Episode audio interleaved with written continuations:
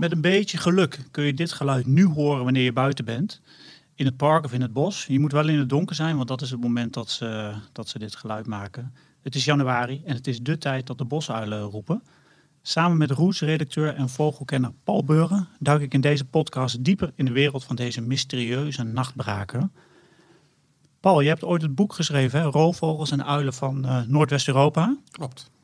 En daarin las ik, ja, ik heb het ook echt gelezen. Daarin las ik dat de bosuil een nachtjager is, maar dat wist ik natuurlijk wel. Dat hij ook ongelooflijk goed kan horen.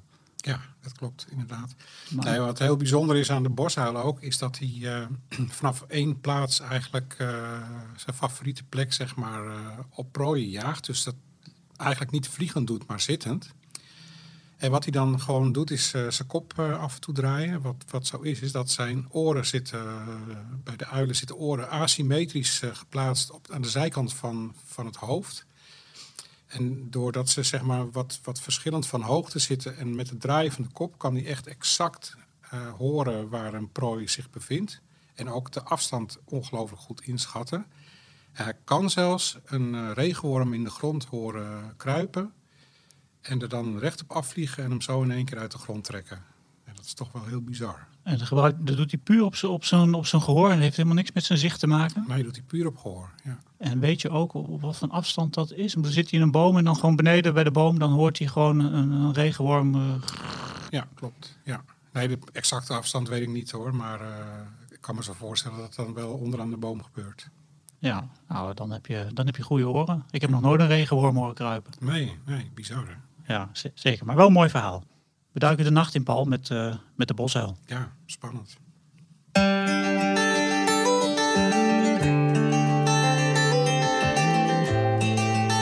Roots presenteert Notenkrakers. De vogels fluiten buiten, wil je weten wie ze zijn? Kom en luister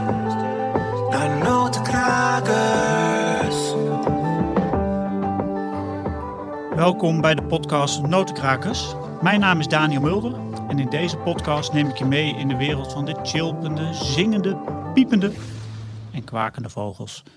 Maar voor we verder gaan praten over de bosuil, bel ik eerst even met Timo Roeken van waarneming.nl om in vogelvlucht te horen wat er allemaal gezien is aan bijzondere vogels in Nederland. In vogelvlucht. Timo, goeiedag. Een hele goede dag, Daniel. Zoals ik net al even aankondigde, jij, werkt bij, jij werkt bij uh, waarneming.nl en jij houdt voor ons iedere maand in de gaten wat er allemaal wordt, uh, wordt, wordt waargenomen en doorgegeven op jullie website uh, in Nederland. Ja. En we beginnen altijd met een, met een bijzondere waarneming. Is die te melden of is er, in, is er de afgelopen tijd weinig gebeurd in Vogelland?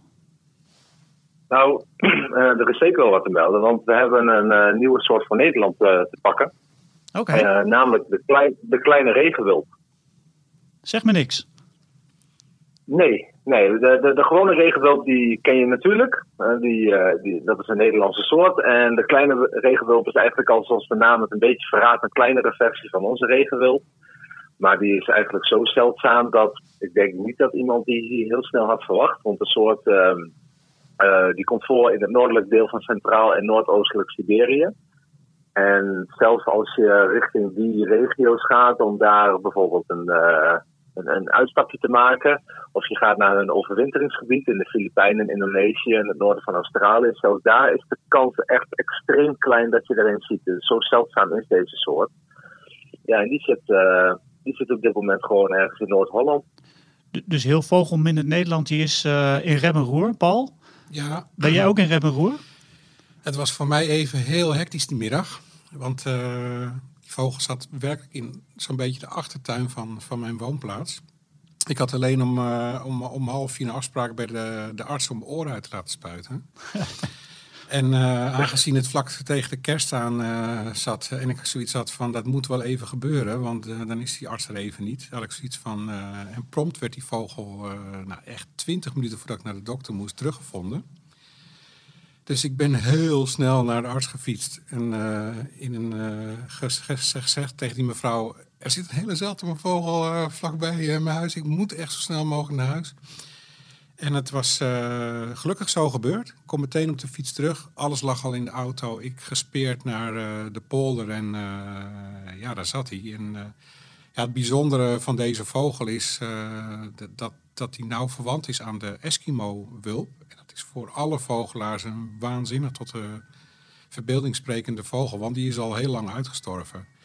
En daar, daar is hij heel nauw aan verwant. En uh, ja, voor, voor heel veel mensen is dit nou echt een soort waar je, waar, je, waar je echt maar van durft te dromen. Ja, dat op een kwartier van je huis. En ik had hem gewoon meteen. En dat was wel even kicken. Ja, dat is dus gewoon uh, een mooi soort die op je lijst bij staat geschreven. Timo, de, de, kleine regenwulp, het woord klein, is hij ook echt klein? Of hoe, hoe groot is deze vogel? Ja, het is echt een aanzienlijk, aanzienlijk kleiner dan uh, de wulp die wij kennen. Dat is toch wel een flinke, ja, een flinke vogel. Als je ze vaak in het weiland ziet zitten, denk je toch, ja, dat, dat, is toch echt wel een, een, een wulp. Dat, er, is weinig andere, er zijn weinig andere soorten die je daarmee kunt verwarren. Um, en deze is ja, misschien de helft. Het is echt een stuk, een stuk kleiner. Ja, in het veld, ehm, het was ook niet voor niks dat op tweede kerstdag dat hij er ook nog zat. En zit er trouwens nog steeds. Maar toen was het weer aanzienlijk minder en toen was die ook echt gewoon moeilijk te vinden. Uh, dus mensen, veel mensen hadden stress.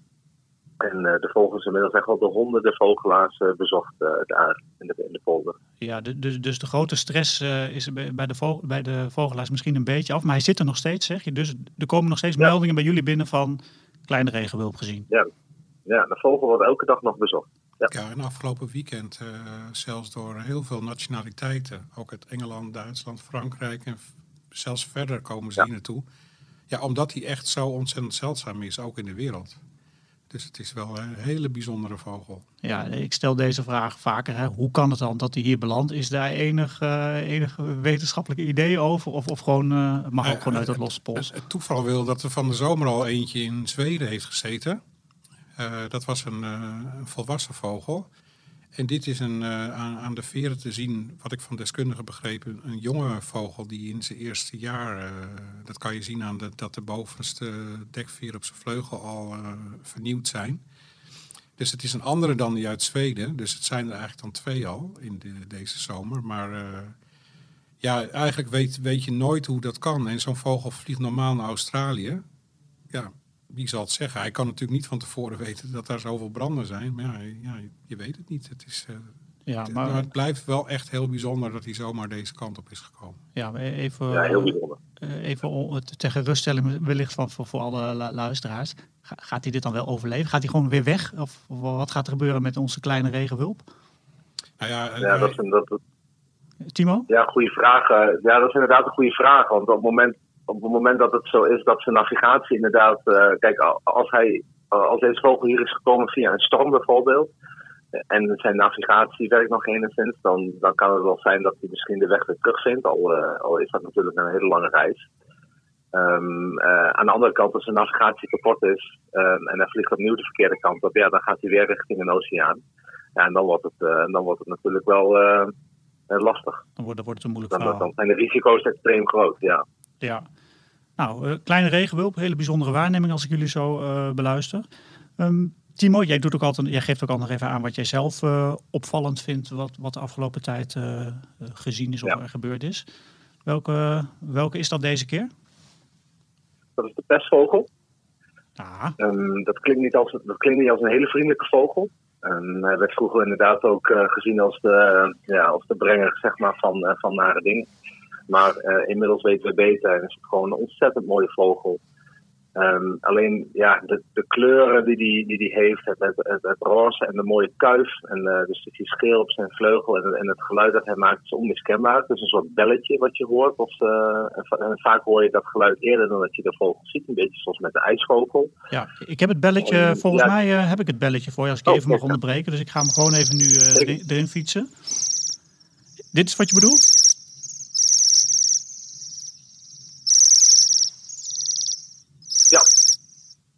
Dat is hem? Dat is hem. Dat is een beetje kerstgeluid ook, hè, met dat belletje. Ja, ja, ja nou, het zegt, ja. Zo had ik er nog niet naar gekeken. Nee. Um, maar het is, het is echt een prachtig vogel om te zien. En um, uh, ja, zijn ze wel vaker in de winter in Nederland te zien, want het is een echte wintergast. Uh, ze zijn nu wat vroeger. Um, en er beginnen nu kleine groepjes ergens uh, ja, overal in Nederland op te duiken. Er is een grotere groep van, van 40 in Friesland. Um, er zitten wat vogels in Overijssel, in Groningen. En ook in Noord-Holland zijn er een paar te vinden. Dus ja, dus, mocht je tijd hebben, dan is dat wel echt een vogel die de moeite waard is. Ja, en is dat een vogel waar ik echt naar uh, op zoek moet als ik buiten ben? Of kan ik gewoon, bij wijze van spreken, achter het glas in mijn tuin gaan kijken? Want dat gebeurt toch ook dat plesvogels in je tuin komen? Of moet het dan nog veel kouder zijn? Ja, meestal is het dan een stuk kouder, maar je kunt gewoon geluk hebben. Het gaat er een beetje om of je de juiste struiken in de tuin hebt. Um, daar kan Paul misschien vast iets meer over vertellen. Ja, het is uh, een beseter, vooral in de winter. Dus uh, waar, waar bessen hangen, daar, daar kunnen ze opduiken. Uh, ze hebben een grote voorliefde voor bessen van de Gelderse roos, die voor heel veel andere vogels te bitter zijn. Die eten pestvogel achter elkaar door. Ja, verder eigenlijk op alle soorten bessen, bijvoorbeeld van klimop, daar, daar kunnen ze ook in zitten. Dus daar moet je op letten. En wat, wat misschien een tip is, is uh, de, de plek waar ze dan, hè, als je via waarneming.nl kijkt waar ze uh, de dag ervoor of die ochtend gezien zijn. Ja, rij daar gewoon heen en, en zoek de toppen van de boom af. Want ze gaan heel regelmatig boven in de boom zitten met z'n allen. En dan dalen ze in kleine groepjes af naar die bessenstruiken. En dan maken ze ook dat geluid. Dus als je daarop let, toppen van de boom in de gaten houden, dat geluid. En dan, dan, dan vind je ze sneller, denk ik. Ja, ze zijn ook een beetje honkvast in het opzicht. Dus als ik op jullie site kijk, Timo, uh, waarneming.nl, en, en ik zoek pestvogels op mijn buurt, dan kan ik gewoon naar die plek toe gaan en dan is de kans ook wel groot dat ze zitten. Of zijn ze dan net weer een uh, eh, 400 meter verderop gevlogen?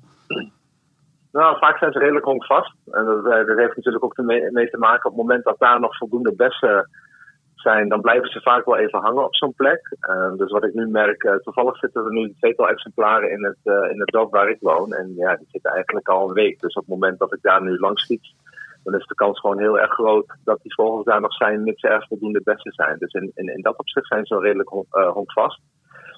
vaak kan het wel zo zijn dat ze 100 meter bijvoorbeeld naar het oosten of naar het westen of even naar het noorden of het zuiden vliegen, maar wel in die, in, in die plek, zeg maar, ja, daar zijn ze nog steeds goed te vinden. Dus als je een beetje weet waar de bessen groeien, dan uh, maak je de meeste kans om ze te vinden.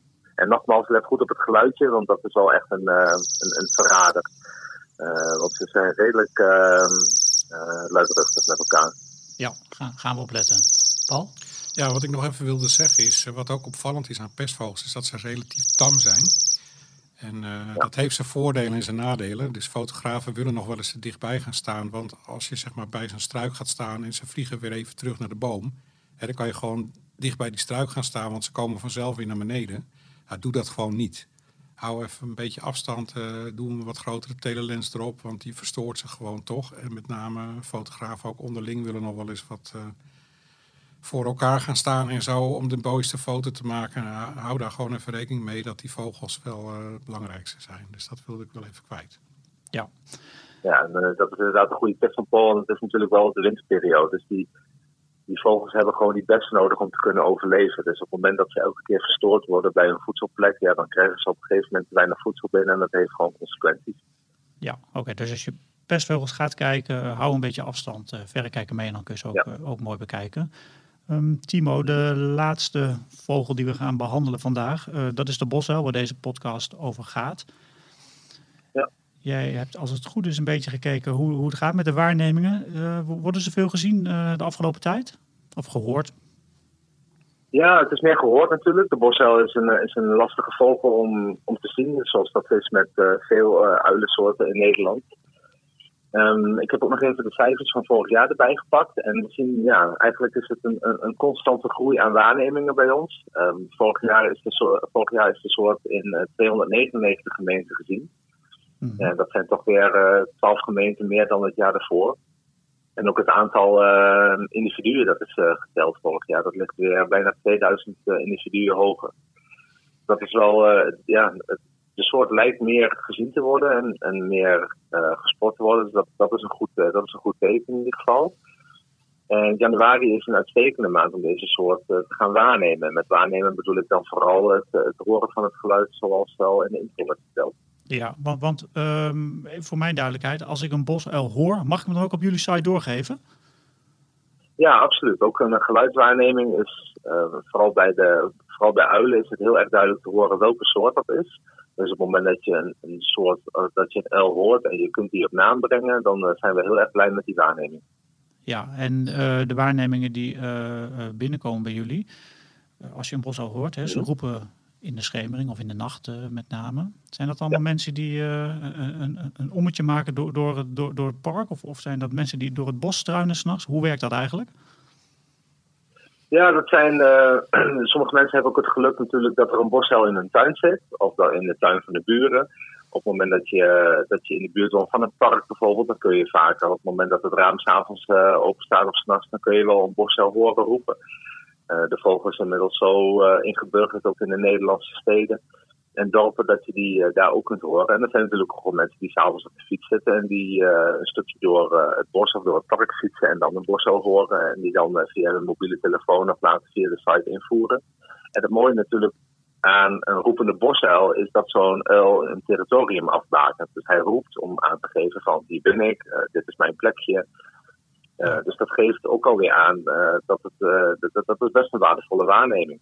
Ja, Paul, ehm, bosuilen, Timo zegt je kunt hem zelfs horen als je thuis bent, je raam open staat. Daar hadden we volgens mij de kraanvogels ook al een beetje over. Ja, klopt. Hangt een beetje vanaf waar je woont natuurlijk. Ja, heb jij hem wel eens gehoord vanuit, vanuit je huis of vanuit je tuin? Nou, bij mij in de buurt van Schorel en Bergen, daar zitten er heel veel. En uh, ik kan hem in mijn tuin, als het windstil is, soms wel horen. Want uh, er zit er eentje, nou, zeg op anderhalf, twee kilometer van ons huis. Maar ik was dit weekend toevallig op zaterdagavond in Bergen naar de bioscoop. En die bioscoop ligt midden op een landgoed. Ja, dat was echt bizar. Ik zet de auto neer en uh, van alle kanten horen we de, de uilen roepen. Dus het was voor de kinderen ook wel echt heel gaaf. Ja. Ging je naar een griezelfilm? Of? Nee, dat gelukkig niet. Nee. Het was wel een, een beetje een soort Agatha Christie thriller-achtig, maar het was minder eng dan dat ze hadden voorspeld. Dus dat viel mee, gelukkig. Ja. Uh, Timo, tot slot nog even. Heb je nog, een, uh, nog iets wat je over de bosuil kwijt wil uh, aan ons?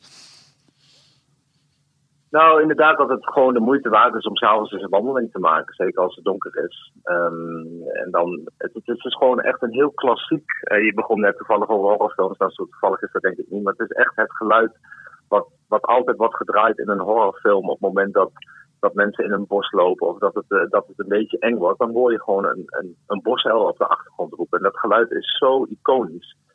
Dus op het moment dat je... Het, het, het, het is nog steeds vroeg donker... Dus uh, ga, uh, maak gerust eens een wandeling om 8 of 9 uur s'avonds. En dan is de kans al aanwezig dat je een bos ook kunt horen. Nou, dan, dan, dan, is dat een mooie tip vanuit Roots om erop uit te trekken. Dus maak s'avonds een, maak een ommetje of een boswandeling. En wie weet hoor de uil. Timo, dankjewel voor je, voor je uitleg weer.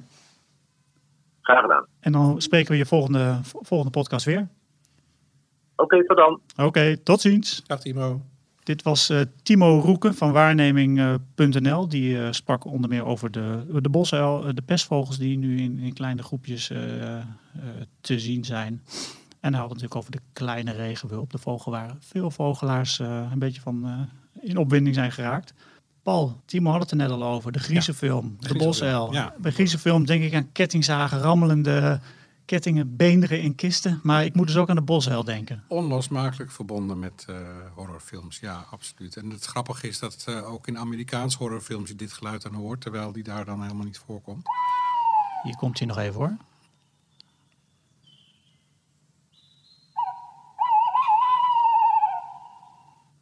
Dit is wel een uh, inderdaad. Ja, deze komt binnen. Ja. Maar als jij hem hoort, dan Wordt het dan ook spannend in het bos of uh, heb je nou, daar niet de last ik, van? Ik word er niet zo bang van. Maar ja, je hebt ook wel heel... een, vooral vroeger had je enorme verhalen. Dat als je een bosuil hoorde, dat, dan, dat je dan erachter op dood ging en zo. Nou, dan... dan de, de bosuil is zo algemeen in Nederland. Er zou er niemand meer op dit moment leven. Dus wat dat betreft valt het allemaal mee. Je moet vooral genieten van het prachtige geluid. Het is, ik, ik vind het zelf het mooiste uilengeluid wat er is. En het, nou ja, het, het is inmiddels in bijna heel Nederland eigenlijk te horen. Want uh, hoewel de, de, de bosuilenstand in Nederland een beetje gelijk is gebleven, zo rond de 5000 uh, broedparen, is het, zijn ze wel wat, wat meer naar het westen gekomen en naar het noorden uitgebreid. -hmm. Wat gewoon te maken heeft met dat de bossen en de, de landgoederen daar gewoon ouder worden. Waardoor ze een geschikt biotoop hebben. Want het enige wat een bosuil eigenlijk nodig heeft om te broeden is een hol. En dat kan zowel in een boomhal zijn of een, een nestkast die er speciaal voor opgehangen uh, wordt. Of gewoon zelfs tussen de wortels in de grond. Uh, dus dat, uh, dat kan eigenlijk overal. Zelfs in het Vondelpark midden in Amsterdam zitten bosuilen. Die kan je er ook gewoon horen in deze tijd. Dus uh, wat dat betreft is het gewoon een hele, ja, door het hele, hele land verspreide vogel. Ja, nog even over, voor, voor je verder gaat. Nog even, ik ga laat nog even het geluid even horen.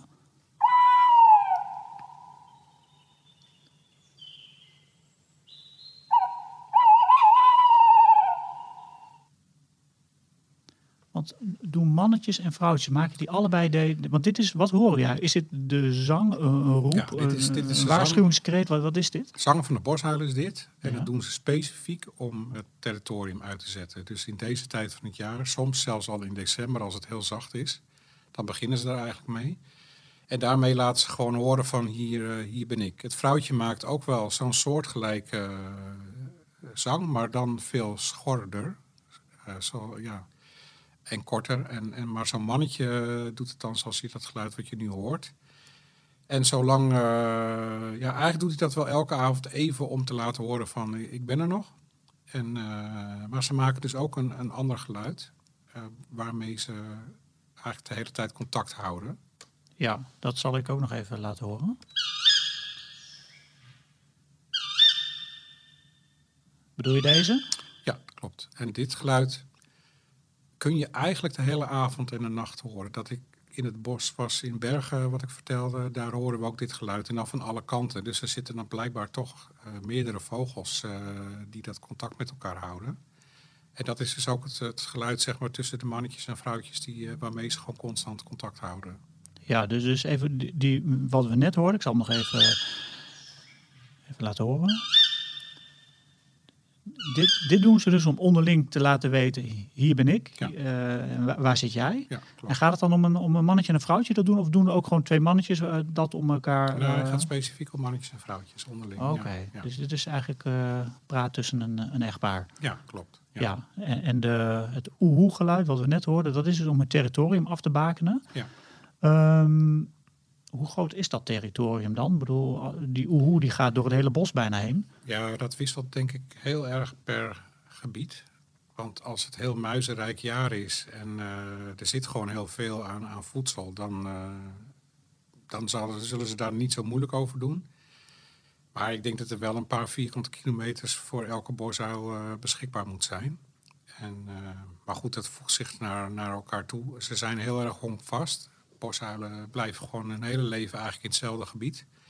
En die accepteren gewoon geen andere bosuil binnen hun territorium. Maar goed, als het een landgoed is met, met ontzettend veel voedsel en heel veel bomen, dan kan ik me zo voorstellen dat er ook wel twee paar in zo'n uh, zo'n stuk kunnen zitten. Maar ze hebben wel een strikt uh, van elkaar gescheiden territorium. Ja, en die territorium worden nu dus bepaald. En wanneer is dat beklonken? Nou, in feite zijn ze gewoon al heel honkvast, hè, wat ik al zei. Dus wat dat betreft valt er weinig uh, uit te vechten, denk ik. En daardoor laten ze gewoon wel steeds horen van hier ben ik. Want uh, de, jonge, de jonge zijn in het najaar uitgevlogen. Die zijn dus op zoek naar een nieuw territorium. Daarvoor vliegen ze maximaal 10 kilometer van hun eigen broedplek af. Maar goed, zolang er genoeg bos is en uh, mogelijkheden, kunnen ze daar gewoon een eigen plekje vinden. En tot op heden gaat het volgens mij overal wel goed in Nederland. Maar daardoor zie je dus wel die uitbreiding naar het noorden en naar het westen. Dat, uh, dat, dat gaat langzaam, maar wel gestaag. Omdat ze gewoon nog steeds enigszins toenemen.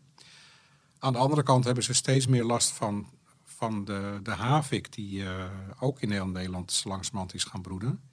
En een nieuwkomer, relatief, de boombarter. Dat is voor de bosuil echt een, uh, een heftige concurrent geworden. Want die boommarter die, uh, die breidt zich heel erg uit, met name naar het westen. Die zit ook heel graag in holen. En die lust ook heel graag een jonge bosuil. En dat, dat is voor, uh, voor de bosuil wel een, een beetje een probleem. Maar goed, blijkbaar zijn ze agressief genoeg om die jongen te kunnen beschermen. En, en nemen ze nog steeds enigszins in aantal toe. Maar het, het verandert wel eens qua, qua gebieden waar ze zitten. Ja, en uh, we hebben natuurlijk uitgebreid net over het geluid gehad. En je hoort ze dus vooral uh, in het donker. Een bosuil zien is dus veel lastiger. Maar stel je ziet wel een bosuil zitten. Hoe herken ik hem? Nou, er zijn in, in eh, wat ik zo van fotografen eh, regelmatig voorbij zie, er zijn gewoon bepaalde rustbomen waar ze regelmatig in zitten en ook soms wel een beetje open. Ze bijvoorbeeld in een hol. Dus dan kun je ze wel zien.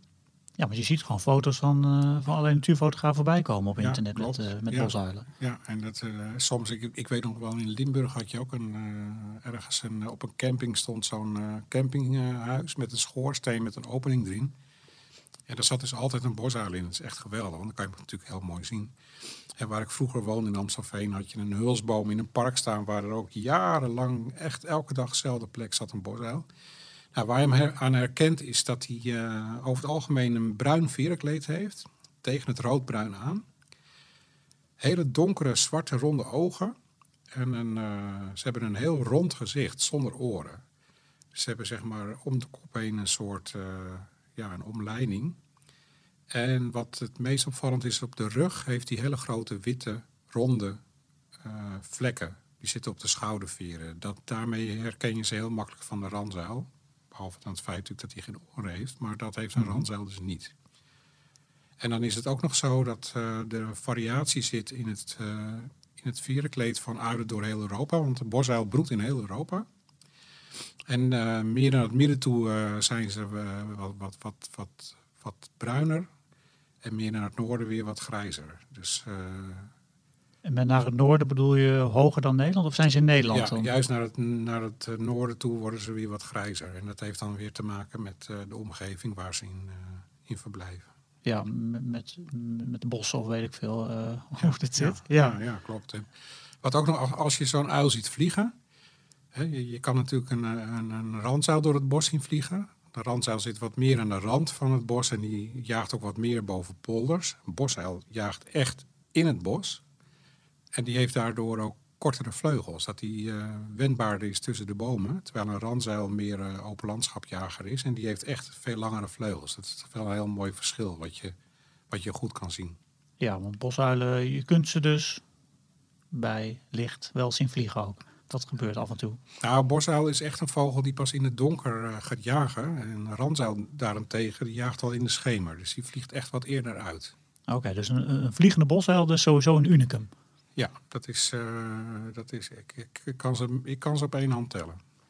Ja, nog even over, ehm, eh, je had er volgens mij iets over gezegd, over de actuele stand rond de bosheld. Ehm, kun je daar iets over vertellen? Hoe, hoe gaat het met, met de bosuil in Nederland? Nou, in feite is de bosuil een eh, redelijk stabiele, heeft een redelijk stabiele populatie in zowel Nederland als België. In Nederland is het aantal vastgesteld op 5000 paar, in België ongeveer 3000.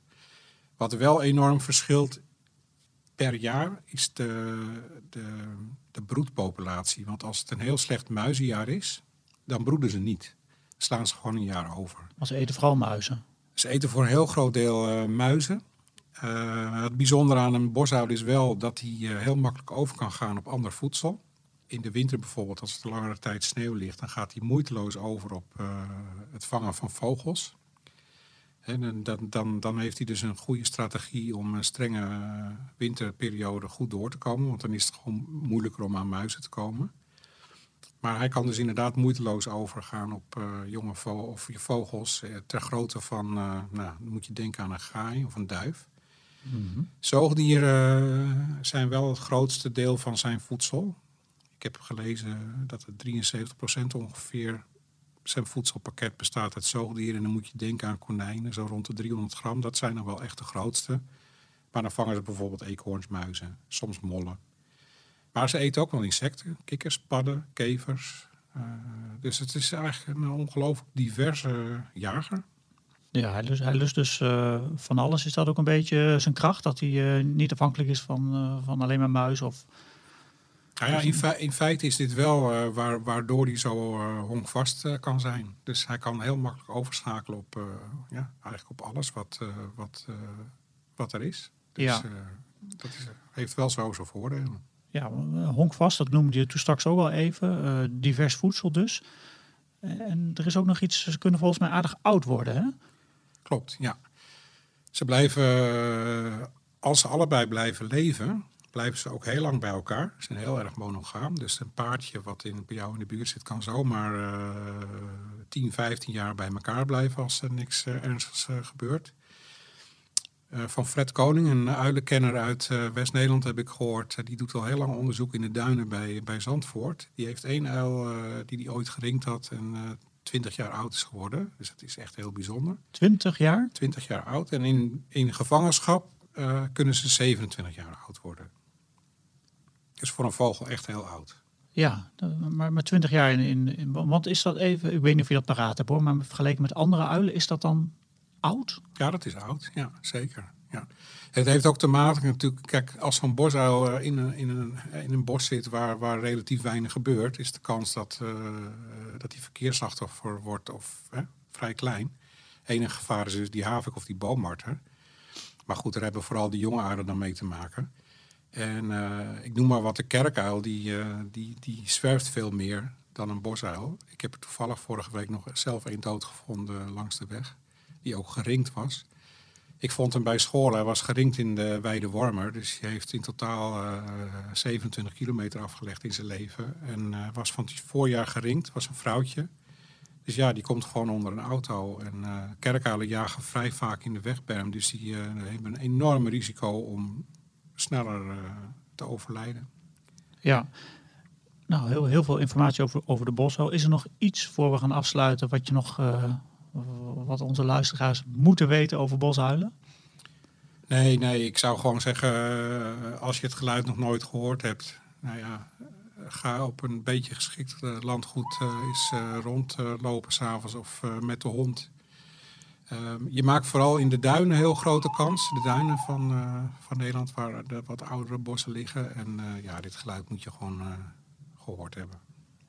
Nou, kortom, met ga, ga er vanavond of deze week of wanneer dan ook, ga erop uit. Ne- Neem je lief mee en maak ergens een romantische nachtwandeling door het bos of door het park. En wie weet hoor je de bosuil wel roepen. Wil je nu meer weten over bosuilen? In het novembernummer van 2019 heeft Roets een heel artikel geschreven over bosuilen. Waar ook de beste plekken worden genoemd eh, om ze te zien. Weet je toevallig nog een uit je hoofd, Paul, wat een goede plek is? Voor de? Voor de, voor de bosuil, waar we het over hebben de hele tijd. Nou ja, wat ik al zei, hè, de, de duinen, eh, super goede plek. Op eh, met name de oudere landgoederen. Hè, zoals Vogelenzang of Bergen, Bergerbos of eh, nou ja, dat soort plekken. Eh, en, eh, mocht je in de stad wonen, een park in de buurt, maak je ook grote kans. Vondelpark is bekend om één tot twee paren bosuilen die daar nu elke avond roepen. Dus ik zou zeggen, probeer het gewoon. Ja, nou, en in Roots vind je dus nog een artikel met, met, de beste plekken in heel Nederland om ze te zien. Je kunt dat nummer nog bestellen via rootsmagazine.nl. Op diezelfde website kun je trouwens ook nog het boek eh, wat Paul Beuren heeft geschreven, Roofvogels en Uilen van Noordwest-Europa. Die kun je daar bestellen. En eh, het is echt een prachtig boek. En inmiddels derde druk, zeg ik dat goed? Vierde druk. Vierde druk al. En vertaald volgens mij in allerlei... eh, Frans en Duitse vertaling, ja, ook superleuk. ja, dus Ook geschikt voor kinderen trouwens. ook geschikt voor kinderen. Nou, te vinden op onze website rootsmagazine.nl. In deze rubriek stellen luisteraars vragen over vogels. Wat een vraag! Bij Roes krijgen we iedere maand of iedere week en iedere dag misschien zelfs wel eh, lezersvragen binnen. En die gaan over allerlei dieren en planten en natuurlijk ook over vogels.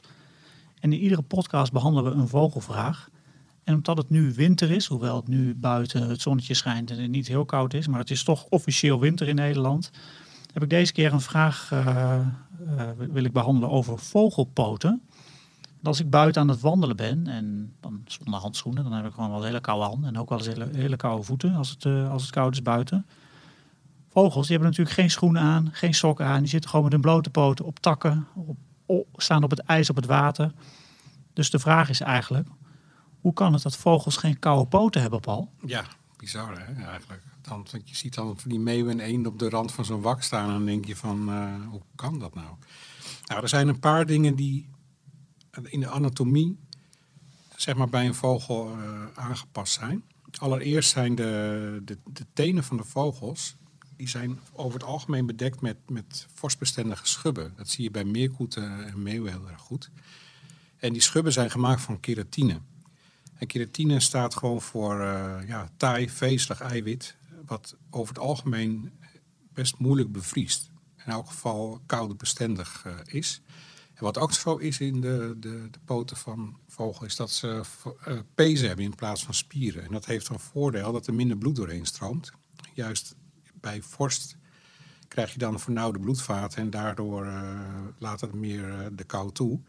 Daar heeft een vogel dus veel minder last van. Nou, wat heel bijzonder is aan een vogelpoot, dat is de, de warmtewisselaar.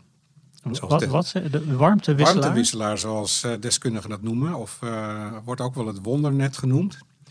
In feite, heel simpel gezegd, is het zo dat het bloed wat uit het hart naar de poten stroomt, vlak langs uh, het bloed stroomt, zeg maar, wat weer van de poten omhoog gaat. Dus, en dat heeft een soort, ja, hoe moet ik het zeggen, Net alsof het een soort kruikjeseffect heeft. Dus dat, dat warme bloed gaat een beetje over die pezen met het koudere bloed heen. Waardoor dat bloed zeg maar wat teruggaat in het lichaam warm teruggaat. En het bloed wat zeg maar vanuit eh, het binnenste van de vogel juist naar het pootje afdaalt, dat wordt iets wat afgekoeld. Wat weer tot gevolg heeft dat ze gewoon uh, ja, eigenlijk uh, minder warm het pootje ingaan.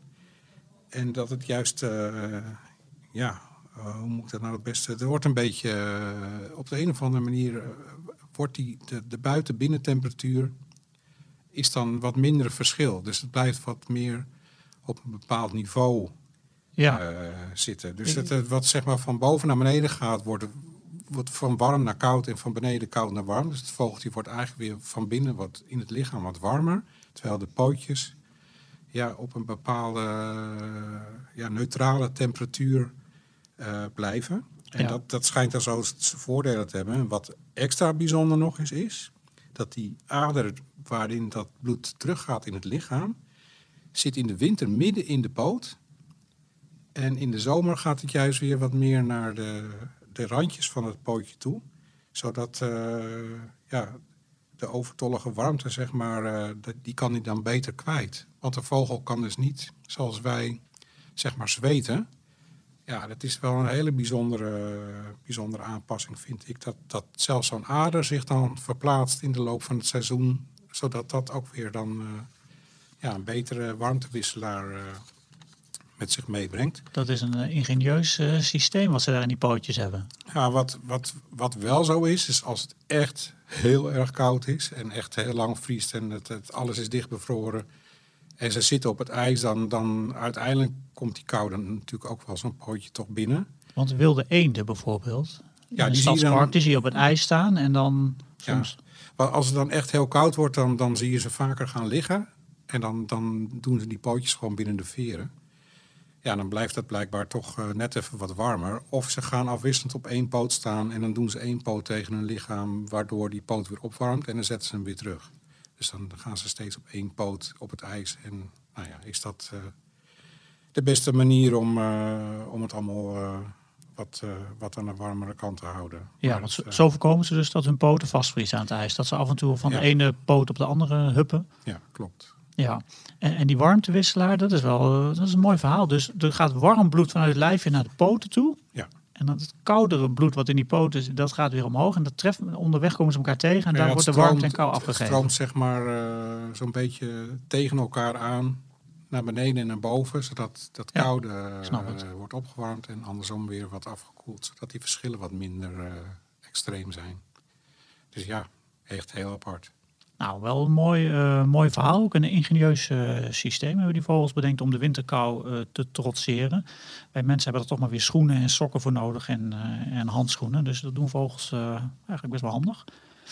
Heb je nou ook een mooie, mooie vogelvraag voor Paul? Die kun je gewoon mailen aan, aan de redactie van Roots. En onze mailadres is info.rootsmagazine.nl En je kunt je vraag ook stellen via Twitter, Facebook of, of Instagram. Notenkrakers.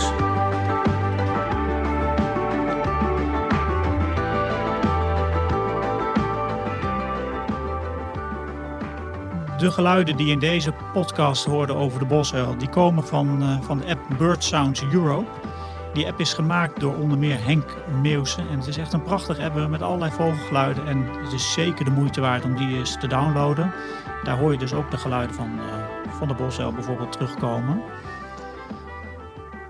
Vind je vogels nou Heel erg leuk. Dan hebben we ook nog een vogelmagazine die we maken bij Roots. En ehm, die krijg je bij een, bij een abonnement. En dat abonnement die kun je weer afsluiten op onze website op rootsmagazine.nl. Dus je neemt gewoon een abonnement op Roots en er zit een vogelmagazine bij in. Volgende maand komen we terug met een nieuwe podcast. Dit keer was het de Bosuil. Paul, weet je al wat we in februari gaan behandelen? Ja, de volgende podcast gaat over de vink. De vink. De vink die gewoon thuis in mijn tuin zit tussen de koolmezen. Daar zie ik een vink zitten. klopt. Maar echt een prachtige vogel en hij zingt nog mooier. Ja, hij kan mooi zingen. Hij kan heel mooi zingen. Misschien moet ik er toch eens wat beter gaan luisteren. Maar ik heb het geluidje wel even opgezocht. Dus ik had hem stiekem al even gehoord. Maar ik moet eerlijk zeggen dat ik hem niet zo goed herkende. Nog even iets harder.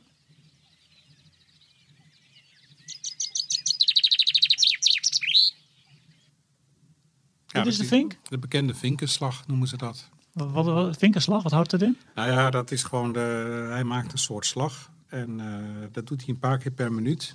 En eh, het is zelfs zo dat daar eh, wedstrijden ingehouden werden, of misschien nog wel worden, in het zuiden van het land in België. Is het heel bekend dat vogelliefhebbers zeg maar, dan zo'n vink in een kooitje hebben. En degene die de meeste slagen per minuut maakt, die, die wint. Zijn zelfs eh, wedstrijden en bekers aan verbonden. Oké, en eh, nog even, eh, waarom hebben we eigenlijk in februari de vink? Dat is het moment dat hij een beetje begint. Nou, hij begint zingen? wel zo in de loop van het voorjaar de eerste keren te zingen. Dus vogelaars zijn ook altijd op zoek naar de eerste vinkenslag. En die, die wordt dan gemeld. Nou, februari gaan we, gaan we meer horen over de vink. Leuk dat je luisterde naar Notenkrakers. En als toetje doen we nog één keer het spookachtige geluid van de bosuil.